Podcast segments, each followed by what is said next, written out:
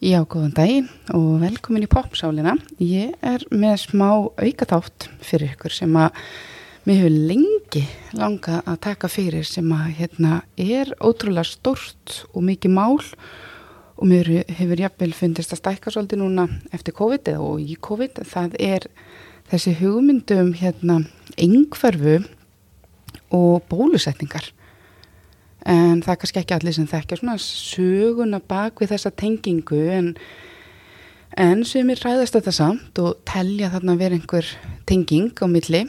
Og hann er mér fannst bara mikilvægt að taka þetta fyrir en, en þetta tengist rauninni þættunum sem ég gaf út í þessari viku um einhverfu sem ég hveti ykkur til þess að hlusta á, það eru svona ymsar nýjar pælingar um einhverfu og svona, já, öðru sér skilgrinningar kannski. og svo talaði hans um Elon Musk í þeim þætti.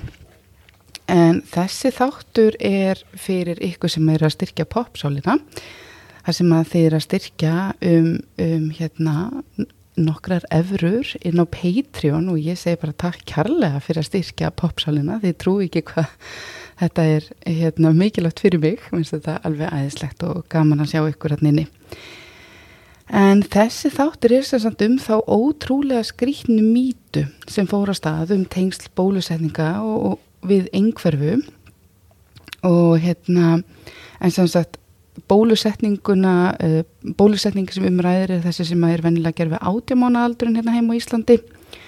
Eða bara um allan heip það, sem er verið að bólusetja sem sagt gegn mislingum, uh, rauðum hundum og hættusótt við kallum þetta MMR bólusetninguna og svona af og til þá heyrast þess að fréttir um þessar bólusetningu og, og svo sem aðra bólusetninga líka sem að kannski eiga ekkit endilega við röka stiðjast og, og gera það verkum að svona tiltrú almennings og bólusetningum fyrir svona mingandi og þessi tiltekna bólusetning MMR sem er gerð við átján mánaldurinn hún hefur lengi verið svona í umræðinni og hefur umræðan um þessa bólusetningu haft svolítið slæm áhrif sem að hérna mér langaði að tala um.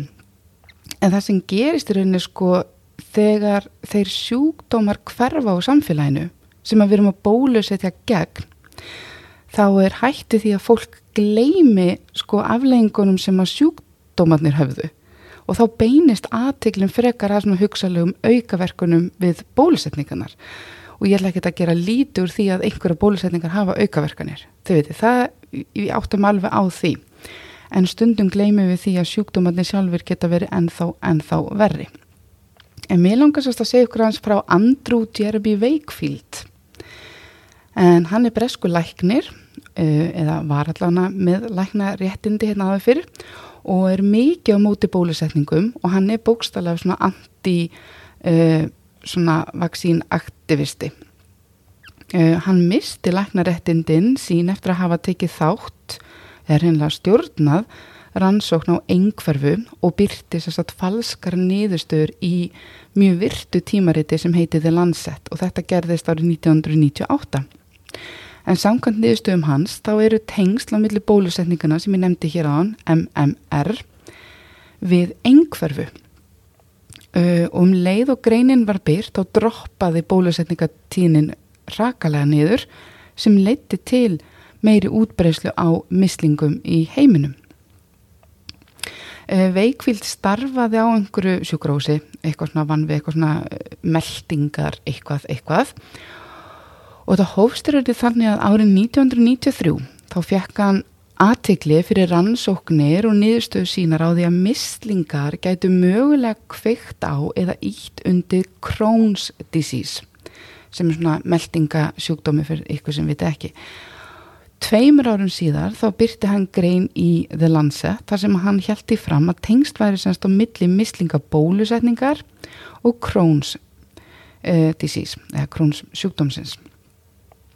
Uh, það sem var samt sérstakt var að aðri rannsakandur eða vísendamenn þeir náðu aldrei semst að endur taka þetta veist þeir náðu aldrei að fá sömu niðurstöður þegar þeir testuðu þetta sama. Og þegar hópur vísendamanna fóri gegnum bara alla rannsóknir sem gerðar hefðu verið á þessum tengslum kallum þetta meta-analýsur þegar þú í rauninni teku saman alla rannsóknir sem hafa verið gerðar þá komist þeir að þeirri niðurstöðu að mislingabólusetningin hefði ekki áhrif á þróun króns og ekki heldur þessi MMR bólusetning sem er líka mislingabólusetning en, en þú ert að bólusetja fyrir fleiri hlutum þá.